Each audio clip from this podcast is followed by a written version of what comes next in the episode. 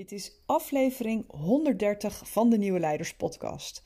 Aanspreekcultuur is tegen natuurlijk. Ik kom heel vaak teams of leiders tegen die zeggen: wij moeten meer naar een aanspreekcultuur in onze organisatie. En toch komt het in de praktijk niet zo heel vaak voor. In deze aflevering wil ik met je kijken hoe komt dat nou eigenlijk dat wij aanspreken zo ingewikkeld vinden. En ik zal alvast een tipje van de sluier oplichten. Het zit niet in onze menselijke natuur. Betekent dat dan dat we het niet moeten doen? Nee, zeker niet. Dat is niet wat ik daarmee bedoel. En ik geef je in deze aflevering een aantal hele praktische tips die je meteen in de praktijk kunt gaan brengen om aanspreken iets te maken wat er gewoon bij hoort.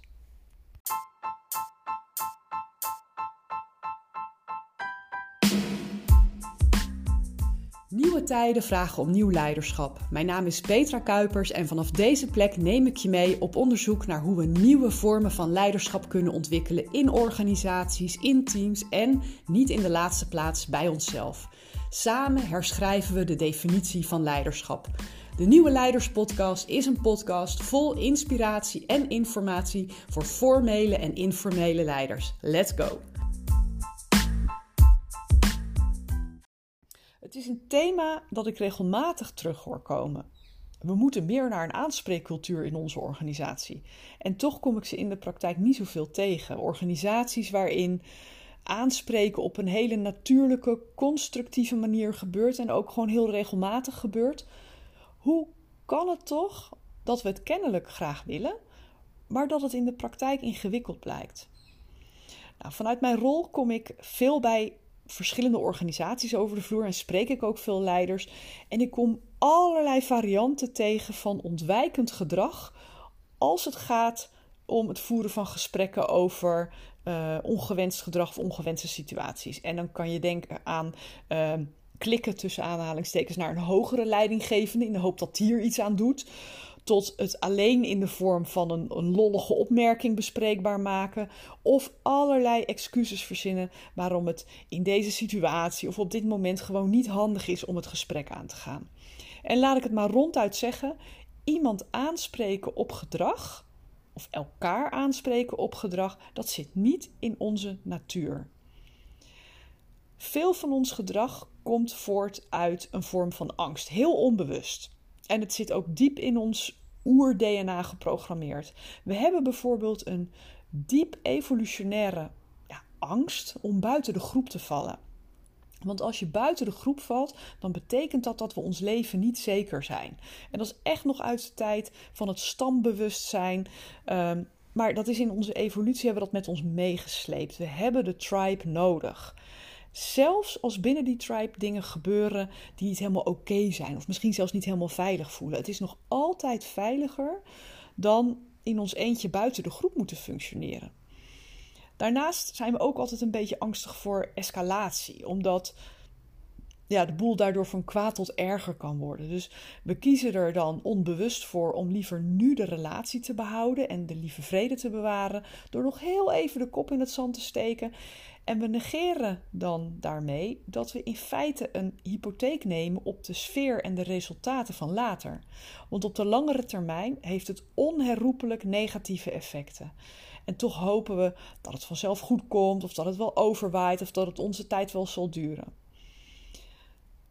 Wat je regelmatig ziet gebeuren, en misschien heb je het ook wel eens meegemaakt, is dat het aanspreken van een collega die iets doet wat niet door de beugel kan of wat jij zelf niet oké vindt, dat dat, nou ja, dat dat aan de leidinggevende wordt overgelaten. Dus er wordt melding van gemaakt bij de leidinggevende zonder dat de collega zelf daarop wordt aangesproken. Wat die leidinggevende dan misschien doet, is dat hij het vervolgens weer aan zijn of haar leidinggevende overlaat. En dat kan net zo lang gebeuren tot het op de directietafel als een cultuurprobleem wordt herkend en het echt niet langer door de vingers kan worden gezien. En vaak is het op zo'n moment al best stevig geëscaleerd. En weet je, dat komt overal voor. Het is niet voorbehouden aan non-profit organisaties, overheden of juist commerciële bedrijven, beursgenoteerde bedrijven. Een cultuur van ongewenst gedrag door de vingers zien of een cultuur van niet aanspreken, dat is in feite de optelsom van ons natuurlijke ontwijkende gedrag om geen onrust en geen verdeeldheid te creëren in de groep, om de groep gesloten te houden zodat we elkaar veilig houden en beschermen.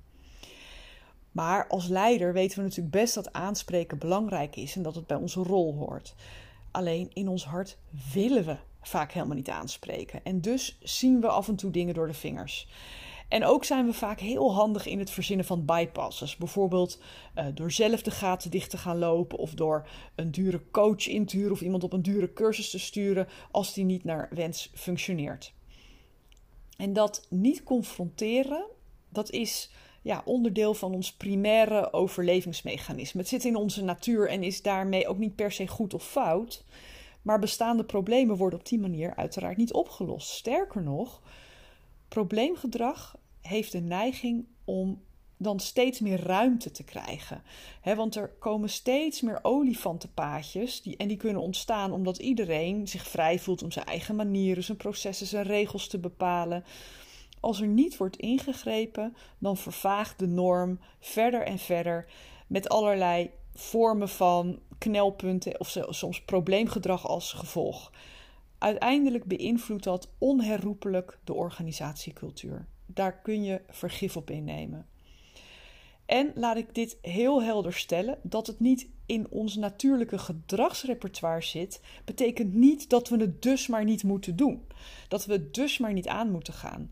Alleen heeft aanspreken meer aandacht en entrainment nodig dan gedrag waar we van nature over beschikken. Hè? Eh, een, een, een communicatie, een, een, nieuwe manier van communiceren of wat dan ook verzinnen, dat gaat makkelijker dan iets leren waar je helemaal niet. Ja, wat je eigenlijk niet in je, in je repertoire hebt. Maar goed, we zijn ook niet geboren met het vermogen om te fietsen. Maar met genoeg aandacht en oefenen krijgen de meeste van ons dat uiteindelijk best redelijk onder de knie. En dat geldt ook voor aanspreken. Maar hoe pak je dat aan? Een veel voorkomende reflex is om iedereen dan maar op feedbacktraining te sturen. En ik moet zeggen, het kan best helpen om te leren hoe je een gesprek zo kunt structureren dat het niet meteen uit de hand loopt. Er zijn allerlei situaties waarin dat heel handig is. Maar er zit in het aanbieden van zo'n training ook een veronderstelling die in de praktijk niet klopt. Namelijk, ze gaan het vanzelf wel doen als ze maar weten hoe het moet. Maar daarmee gaan we dus voorbij aan waar ik net mee begon. We willen helemaal geen feedback geven. Het is geen natuurlijk gedrag voor ons. Wat je ook nog wel eens ziet gebeuren, is dat er een externe wordt ingehuurd, een interimmer of een verandermanager, die komt helpen om een nieuwe cultuur te implementeren. En op korte termijn kan dat best even werken, maar laat ik ook dat heel, uh, heel eerlijk tegen je zeggen. Hoe duurzaam het effect daarvan is, valt of staat met de betrokkenheid van de leiders.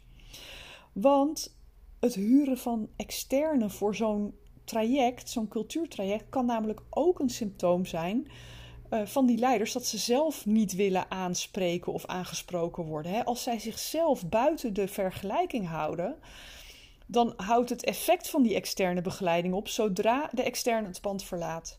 Dus het leiderschap moet daar helemaal in worden meegenomen. Sterker nog, daar begint het, maar daar kom ik straks nog op terug.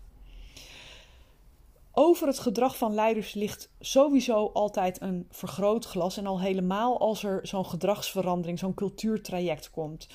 als leiders zich niet aan besluiten of afspraken houden, dan kun je ervan uitgaan dat dat niet onopgemerkt blijft. En dan krijg je, als zij niet veranderen, hoeven wij het ook niet. Dat is natuurlijk een prima excuus. en dan ben je eigenlijk weer terug bij af. Dat is een enorme desinvestering.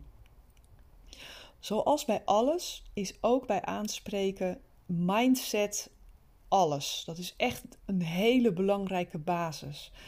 Je wil dat er een meer positieve lading komt aan aanspreken. Dus niet een connotatie van elkaar aanvallen of afvakkelen of uh, eindeloos kritiek spuien, maar meer een associatie met continu leren, verbeteren, professionaliseren. Hè? Aanspreken is in die zin veel meer bespreken. Hè, je gaat dingen bespreken aan de hand van uh, gedragsvoorbeelden, situaties.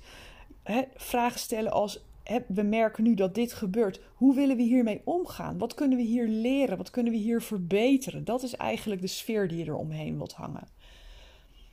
Er zijn drie thema's die de basis vormen, de basisingrediënten vormen voor een cultuur waarin aanspreken steeds normaler wordt, waarbij het steeds meer een, een, een ingesleten patroon wordt. Het eerste is het vergroten van de ervaren psychologische veiligheid. Het tweede is het expliciet en ondubbelzinnig uh, maken van normen en afspraken.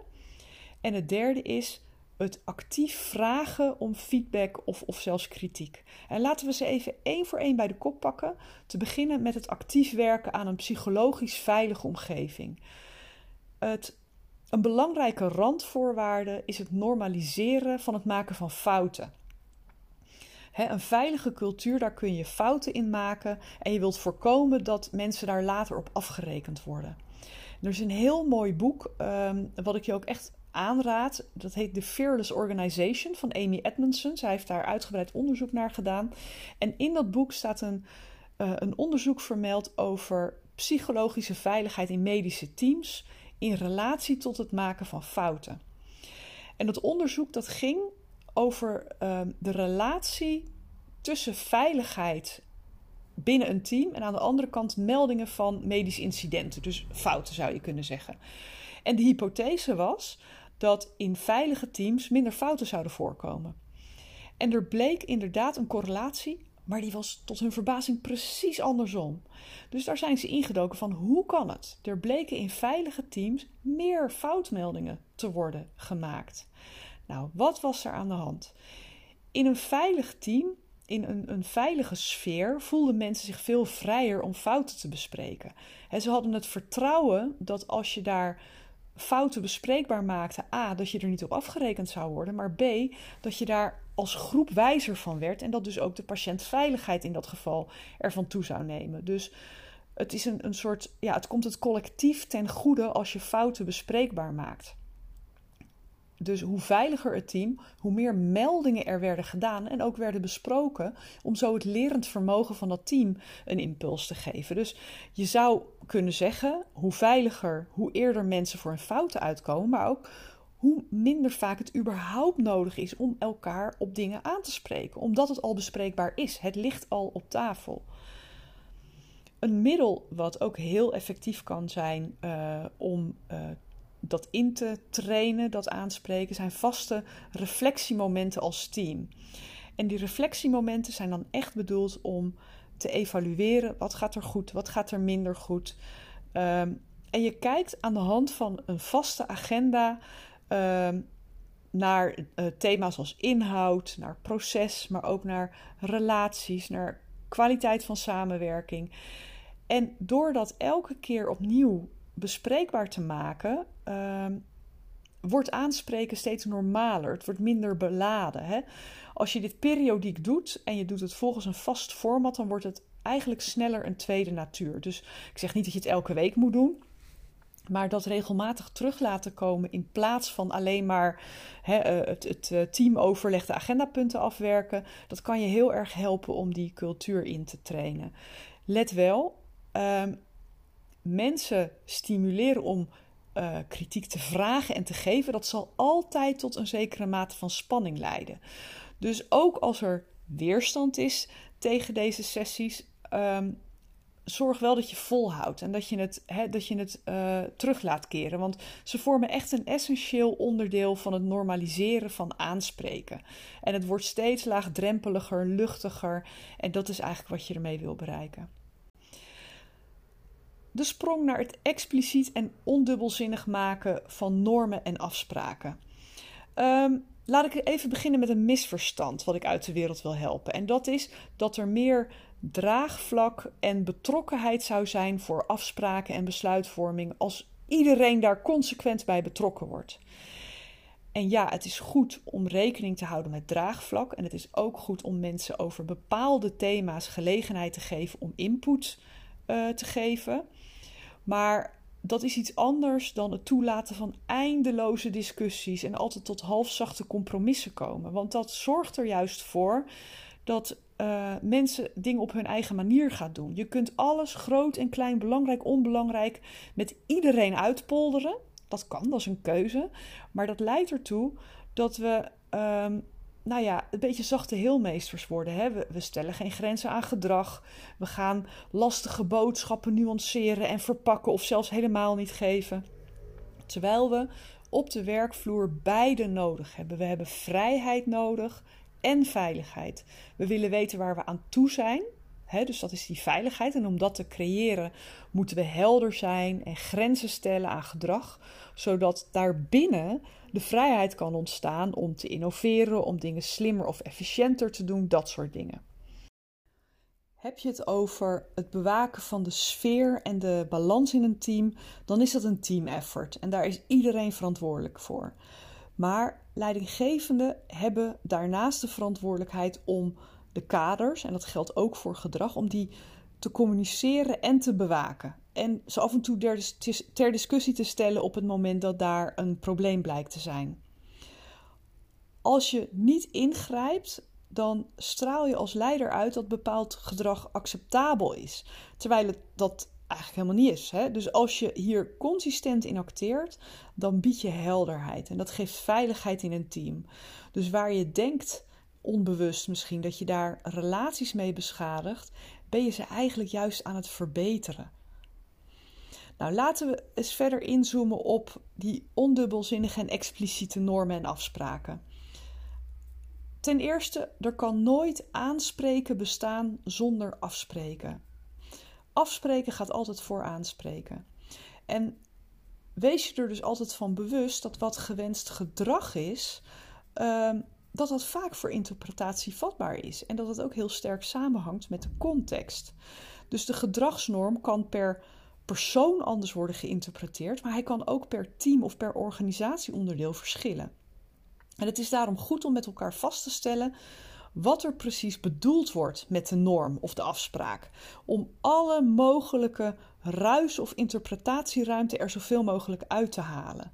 En als er geen heldere norm is afgesproken, dan is gewoon niet helder van wie wijkt daar nou vanaf. En daarmee heeft dus iedereen, of juist niemand, gelijk.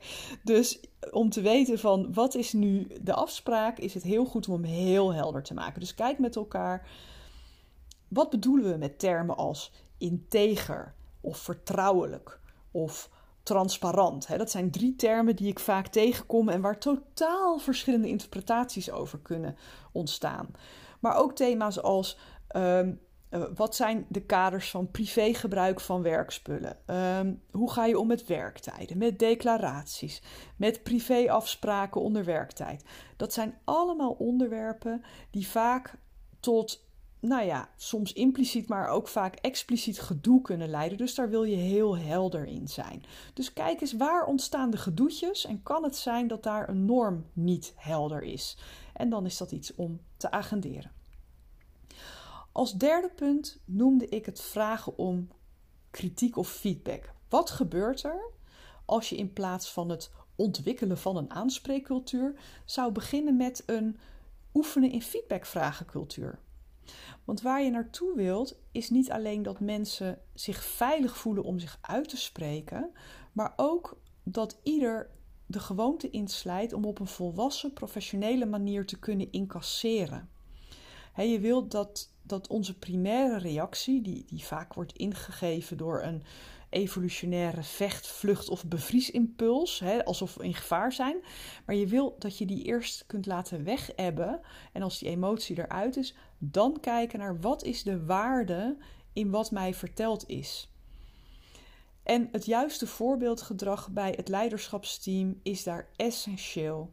Hoe meer voorbeelden er in de praktijk te zien zijn van het vragen van kritische feedback en vervolgens ook het delen van persoonlijke leermomenten naar aanleiding van die feedback, hoe normaler het wordt in de bedrijfscultuur.